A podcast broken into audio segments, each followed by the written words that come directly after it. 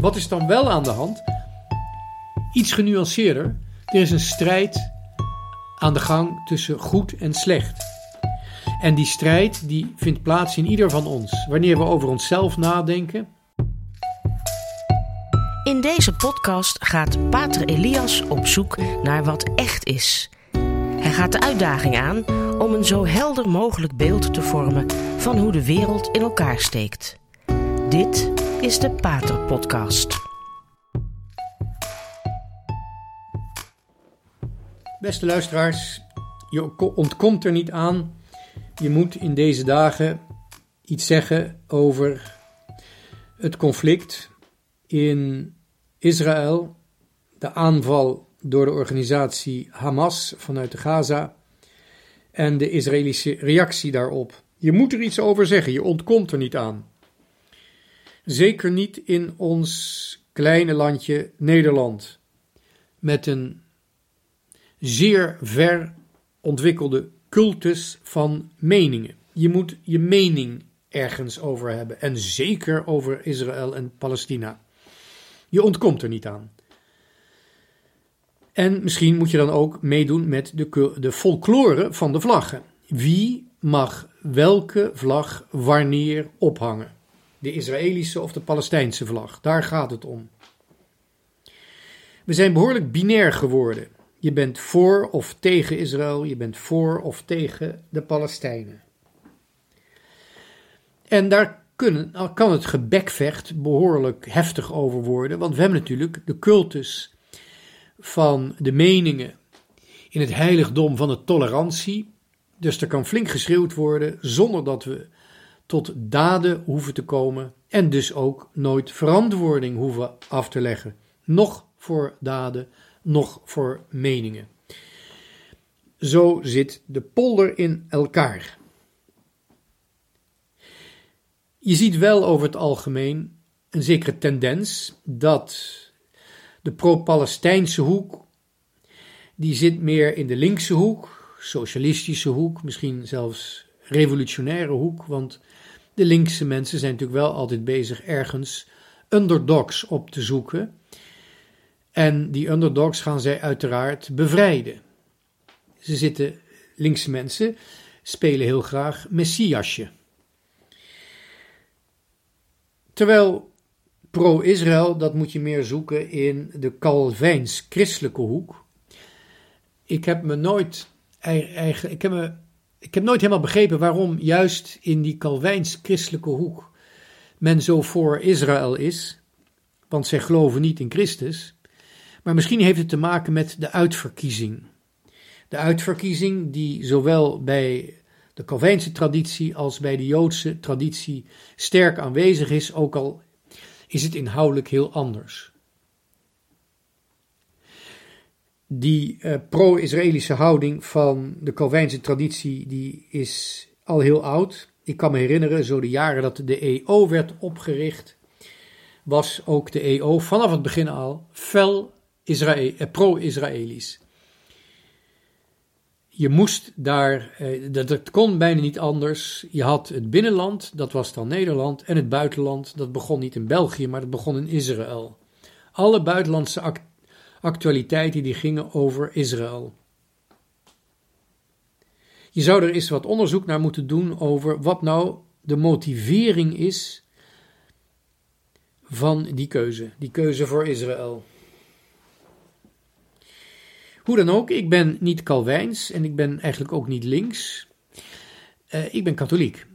En een katholiek is niet binair. Non-binair. Die is trinair. Wat betekent dat? Een katholiek denkt nooit zwart-wit. Het is niet of-of. Hij denkt niet zwart-wit, omdat voor een, voor een katholiek die wil groeien in de wijsheid vanuit het geloof, die weet dat er geen strijd is tussen licht en donker, tussen licht en duisternis. De strijd tussen licht en duisternis is zelfs onmogelijk. Zoals Johannes het zegt, het licht schijnt in de duisternis en de duisternis kan het niet bevatten, kan het niet omvatten, kan het niet begrijpen. Dus die twee zitten totaal niet op dezelfde golflengte. Je hebt licht of je hebt duisternis. Het is zwart of wit. Het een sluit het ander uit. En dus is er nooit strijd geweest en zal er ook nooit strijd zijn. Die strijd is onmogelijk. Wat is dan wel aan de hand? Iets genuanceerder. Er is een strijd aan de gang tussen goed en slecht. En die strijd die vindt plaats in ieder van ons. Wanneer we over onszelf nadenken, dan zien we dat in ons zowel het goede als het slechte aanwezig is. We zijn complexe wezens en zolang we op deze wereld rondlopen, zien we dat in ons zowel het slechte als het goede is. En omdat dat in ieder individu zo is, ja, zie je dat dus ook in de hele mensheid en iedere groepering. Er zijn geen volmaakt slechte groeperingen, er zijn geen volmaakt goede groeperingen. En dus zullen we altijd, wanneer we vooruitkijken, zullen we mogen, maar ook moeten proberen om in de ander de waarheid en het goede te vinden, maar ook in zijn tegenstander de waarheid en het goede te vinden. Als ik vroeger met een van mijn broers, ook wel eens met mijn zusje hoor, maar het was vaker met mijn broers, als ik met een van mijn broers ruzie had, dan zeiden mijn ouders altijd: als twee vechten hebben twee ongelijk. Of zijn er twee fout? Maar ik antwoordde dan, want ik was toen ook al, toen ook al een irritant mannetje. Ik antwoordde dan: nee, als twee vechten hebben er twee gelijk. Woede komt voort uit een schandaal, uit een, uit een verdriet over onrecht. En dus is woede nooit absoluut slecht. Woede op zich, in zich, is geen zonde. Het gaat om wat voor woede. Maar een terechte woede is gegrondvest in het verdriet over onrecht.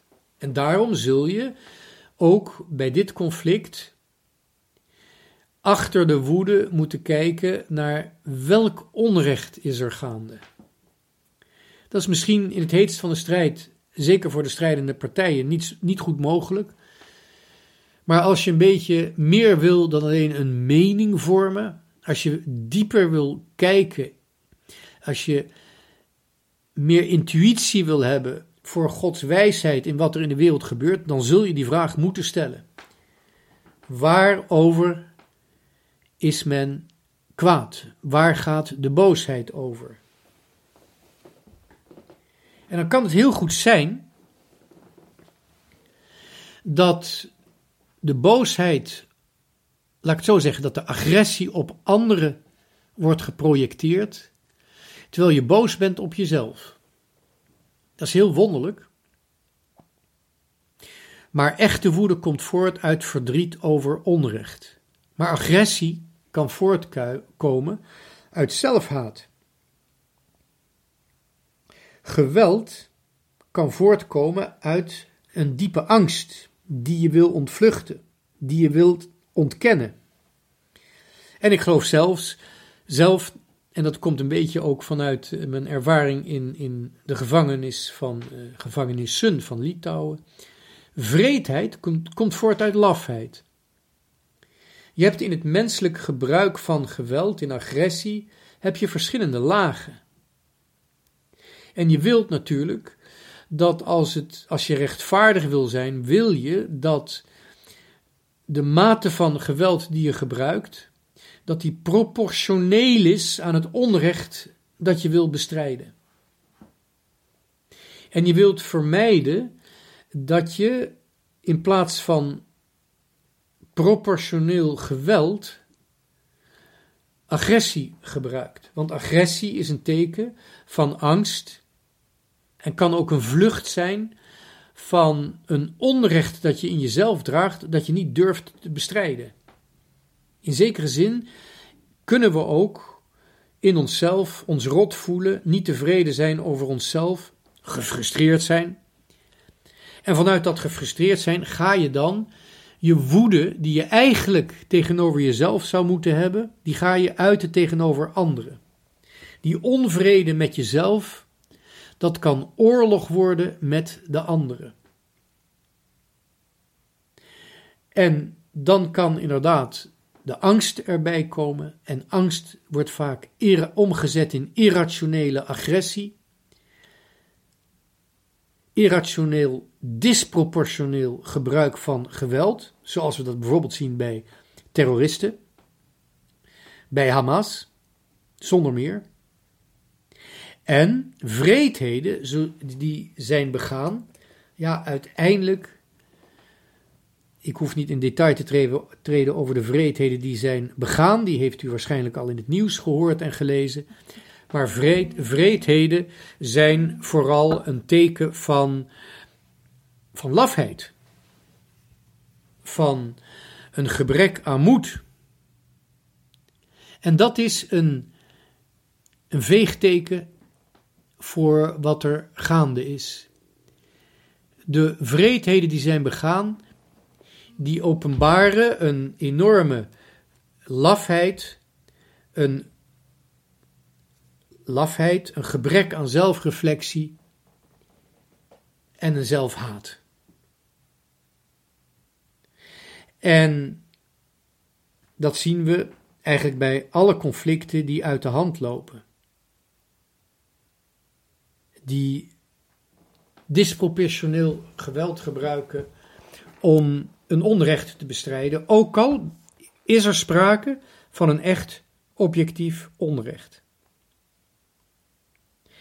Kijk ik dan naar die historische omgeving van het Midden-Oosten en het Heilige Land in het bijzonder, dan zie je dat eigenlijk het probleem geen enkele andere oplossing heeft dan Christus zelf. Het Palestijnse volk is in meerderheid islamitisch, een islamitische cultuur, die eigenlijk al een paar eeuwen met zichzelf overhoop ligt. Sinds het uiteenvallen van, de, van het Turkse Rijk is het machtsvacuum nooit op een redelijke, stabiele manier opgevuld. De landen van het Midden-Oosten zijn korte tijd in de macht van de Fransen en de Engelsen geweest, deel uitgemaakt van hun wereldrijken. Er zijn wat grenzen getrokken, niet altijd even logisch, maar vooral een gedachtegoed waarop je samenlevingen gaat baseren, daaraan heeft het totaal ontbroken. Alle landen die Israël omgeven, die hebben eigenlijk hetzelfde als wat Israël zelf heeft.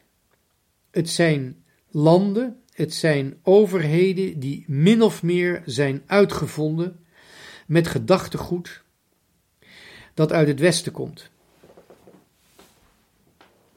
Wanneer je kijkt naar de landen die nu bestaan in het Midden-Oosten, dan is eigenlijk het enige niet kunstmatige land, dat is Egypte. En dat is dan ook een van de meest stabiele landen. Dat is de oudste cultuur, het minst kunstmatige land, het meest natuurlijke land gebaseerd op een cultuur en een volk in het Midden-Oosten. Alle andere landen, en je kunt zo het hele lijstje afgaan, zijn eigenlijk recentelijk gevormd op een onstabiele manier binnen dat machtsvacuum van het, het machtsvacuum dat het Turkse Rijk achterliet. En dan komen we de werkelijke tragiek tegen. Want of het nou gaat over om het seculiere westerse denken, of om het Zionisme. Ze komen allemaal terecht in gebieden waarin de islamitische irrationaliteit als het ware het landschap bepaalt nog ruim voor de, de, de, de, het Turkse Rijk is binnen de islam eigenlijk zo in de 12e, 13e eeuw is het besluit genomen om niet meer rationeel een theologie te ontwikkelen. Er wordt wel in zekere zin over de wet nagedacht, maar uiteindelijk is ja, het doorslaggevende oordeel daarin, dat is de politieke macht. Vandaar dat kerk en staat of, of moskee en staat niet, of, niet van elkaar te scheiden zijn. De inhoud en de uitvoering van de islam wordt bepaald door de wereldlijke macht. Die bepaalt wanneer, hoe, welke wet, islamitische wet, moet worden toegepast. Dat is een volstrekt voor ons westerlingen onbegrijpelijke formule. En ze is ook niet stabiel. En daarom dat er op geen enkele plaats in het Midden-Oosten een werkelijke stabiele macht bestaat, die door het hele volk op een bewuste manier wordt gedragen. Dat kunnen zowel seculiere machten zijn, zoals in Syrië en Irak, als religieuze, zoals in Saoedi-Arabië. En daarbij neemt Iran een unieke plaats in, dat zal ik het zo over hebben. Maar het blijft altijd een clan, of het nou de familie Saoud is, of de familie Assad, of het dorp en de clan van Saddam Hussein.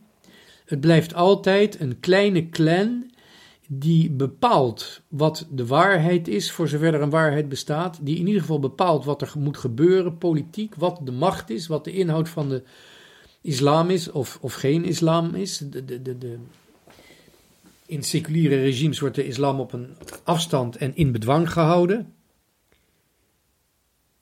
Maar het gaat altijd om het behouden van een macht die in handen is van een kleine clan. En dat betekent ook dat voor zo'n land als Israël het uitermate moeilijk is om te onderhandelen. Want een gegeven woord hoeft niet gehouden te worden. Een gegeven woord, daar moet, ja, daar moet je, dat moet eigenlijk iedere keer gecontroleerd worden met machtsmiddelen of, of het wel blijft gelden. Dus het is een buitengewoon vijandige uh, omgeving. Een, een buitengewoon irrationele en ook principeloze omgeving om een, om een land te stichten dat op westerse voet, op constitutionele voet is gebaseerd. Dat is bijna onmogelijk.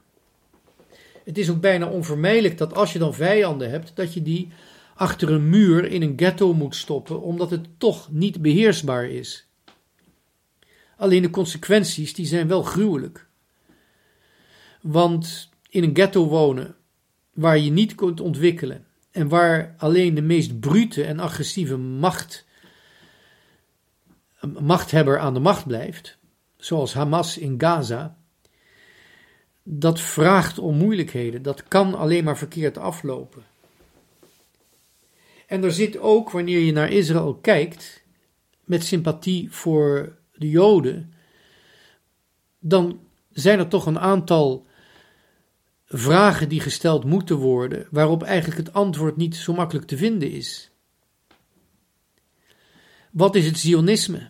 Het Zionisme is niet zozeer een godsdienstige uiting, maar het is een seculiere, Joodse vorm van nationalisme. En dus de band met de Joodse godsdienst is helemaal niet zo duidelijk. En omdat het moeilijk is om het Joodse zijn, de Joodse identiteit te identificeren, blijft er iets heel, iets heel vaags, iets heel onbepaalds. Is het Joodse, de Joodse identiteit, is dat een geloof of is het een etnische entiteit? Wie is er nou Joods? Dat moet allemaal bepaald worden. En wanneer je daarnaar kijkt, dan zie je eigenlijk dat het conflict wat nu gaande is, is niet begonnen bij de stichting van de staat Israël. Het is ook niet begonnen met de Jodenvervolgingen in Europa. En het is ook niet begonnen ten tijde van Christus. Maar wat er nu gaande is, is in zekere zin al begonnen in de tweede eeuw voor Christus in Egypte en dan met name in de stad Alexandria. Want daar woonden de Joden. Zij mengden zich met de Helleense beschaving, zeg maar de toenmalige versie van de westelijke beschaving, waren daar buitengewoon succesvol. Het is een slim volk. Na eeuwenlang opvoeding door ons lieve Heer kun je gerust zeggen dat het volk van Israël een hoogbegaafd, intelligent en wilskrachtig volk is. En dat was het in die tijd ook. Maar de meeste Joden in die tijd in Alexandria, die spraken Grieks. Dat was hun moedertaal. En de, Griekse, eh, en de Joodse geschriften werden ook in het Grieks vertaald en soms zelfs geschreven. Met als gevolg dat de omgeving van de Joden meer oog begon te krijgen en ook meer weet en meer begrip begon te krijgen van die monotheïstische godsdienst. Het, het was gewoon, het sprak, je zou kunnen zeggen, het filosofisch gezond verstand werd aangesproken door die vreemde Joodse godsdienst die zei er moet één universele God zijn. Dat was in die tijd voor Jezus eigenlijk al een hele heldere en misschien zelfs hoopgevende boodschap. Vandaar ook dat voor Christus er ook al een apocalyptische literatuur begon te ontstaan. Verbonden met de Joden, maar in het Grieks. Dat ging over het einde van de wereld. Want als er één God is, waar gaat dan de wereld naartoe? En in zekere zin ontstond toen een paradoxale spanning. Want de Joden brachten de universele, in ieder geval voorlopig, door alleen het idee al, bevrijdende God in de wereld. Maar tegelijkertijd beschouwden ze zichzelf wel als apart en exclusief. Dat heet in het Grieks de amixia. Dus de Joden kwamen met een universele God. Dat leek iedereen toch wel een goed idee die erover nadacht. Maar ze zeiden wel: wij zijn het enige volk van God. En dus krijg je een enorme spanning. Wie denken jullie wel niet dat je bent? Je gelooft in de enige God, maar God zou maar van één volk houden. Dus in dat Alexandrië van de tweede uh, uh, eeuw voor Christus begonnen al spanningen te ontstaan tussen de Joden en de Egyptenaren, de, de Helleense, verwestelijkte Egyptenaren en de verwestelijkte Joden. En dat conflict is nog steeds in zekere zin onder een, in een andere vorm is er ergaande. Want je hebt een universele God die de staat Israël omgeeft. Dat is dan Allah, de islam. Maar die Joden claimen toch nog steeds dat het hun land is, want zij zijn het uitverkoren volk. En die muren die overal in Israël staan, en die door een aantal mensen worden vergeleken met de apartheid, die hebben ervoor gezorgd dat er eigenlijk twee ghetto's zijn. Eén ghetto voor de Palestijnen, het arme, overbevolkte ghetto, en het rijke, comfortabele en zeer ruimdenkende ghetto van de Israëlieten. Ik weet niet of het u is opgevallen, maar dat um, um, muziekfestival waar zoveel moorden zijn gepleegd, omdat de, de Hamas-terroristen daar zijn binnengevallen, dat terrein ziet er heel vreemd uit. De mensen lopen er rond als hippies en er staat een gigantisch Boeddha-beeld stond er op het terrein. Is dat Joods? Is dat afgoderij? Wat is dat eigenlijk? De staat Israël is in feite de comfortabele, rijke, maar ook zonder meer hardwerkende en rationele helft geworden van dat dubbele ghetto. En ik vraag me af of de Israëlieten niet vreselijk in de, geval, in de val zijn gelopen van een ideologie, het Zionisme, waar een aantal heel strijdige principes in zitten. Want het land is ooit beloofd door God, maar de Zionisten komen vanuit seculiere nationalisten voort. En het gekke is die spanning vandaag de dag in Israël is eigenlijk dezelfde als ten tijde van Christus, de apocalyptische tijd. Als er één universele God is, waarom is er één volk uitverkoren? En die vraag zou je zelfs vandaag de dag in Israël kunnen stellen. De Israëlieten kunnen zich die vraag stellen. Als wij de enige God zijn, wat is dan de roeping van dat ene Israëlische volk? Ik zal dat illustreren met een verhaal, wat, met iets wat ik heb meegemaakt. En daar wil ik dan mee afsluiten. Ik was met eh, een bedevaart in Israël bij de plaats waar Johannes de Doper ooit heeft gedoopt. Daar staat een klein altaartje, daar wil ik op de mis vieren. Dat mocht officieel niet. Maar ik hoorde daar wat jonge militairen, die er absoluut niet zo joods uitzagen. Het waren blonde koppen en uh, hadden duidelijk Oost-Europese gezichten. Dus en ik hoorde ze Russisch met elkaar praten. Ik vroeg dus aan die militairen in het Russisch. Uh, ik wenste ze goede dag. Uh, goed, praat een beetje over het weer. En vroeg toen even terloops of ik dat altaartje mocht gebruiken. Nou, dat was geen probleem, zeiden de soldaten, gebruik dat altaar maar. Maar dit zijn jongens, immigranten uit Rusland met een heel zwak Joods laagje.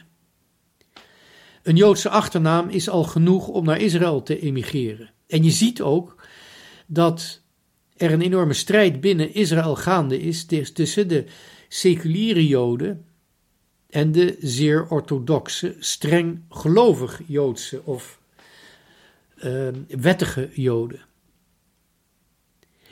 En dat betekent dat voor die identiteit, of zeg maar binnen die identiteit van de staat Israël, ook die vraag steeds meer rijst. Wie zijn wij? Zijn we een uniek volk of zijn wij een volk dat een universele roeping nodig, eh, een roeping heeft? En als het dan is, als het zo is, dat de Palestijnen die naast ons wonen niet aanspreekbaar zijn, gaan we daar iets aan doen? Moeten wij misschien onze eh, Israëlische beschaving verspreiden over de Palestijnen, zodat zij ook net zo gaan denken en net zo gaan redeneren als wij? Wat er nu is gebeurd, is dat ze in feite de Palestijnen de rug hebben toegekeerd en ze achter muren hebben gezet, zodat ze kunnen doen alsof ze er niet zijn. Maar ze zijn er natuurlijk wel. En de vraag blijft bestaan, op de achtergrond. Als we verder kijken dan de vreedheden, als we verder kijken dan het recht van iedere mens om zichzelf en zijn geliefde te verdedigen, dan is dat een vraag die steeds scherper wordt. Wie staat aan de oorsprong van beide religies? De islam, het jodendom, maar ook aan de bron van het christendom en zelfs wie staat er aan de bron van het seculiere denken van het Westen. Ik ga eens proberen een beetje erover na te denken. Misschien kom ik er volgende keer op terug. Bedankt voor het luisteren.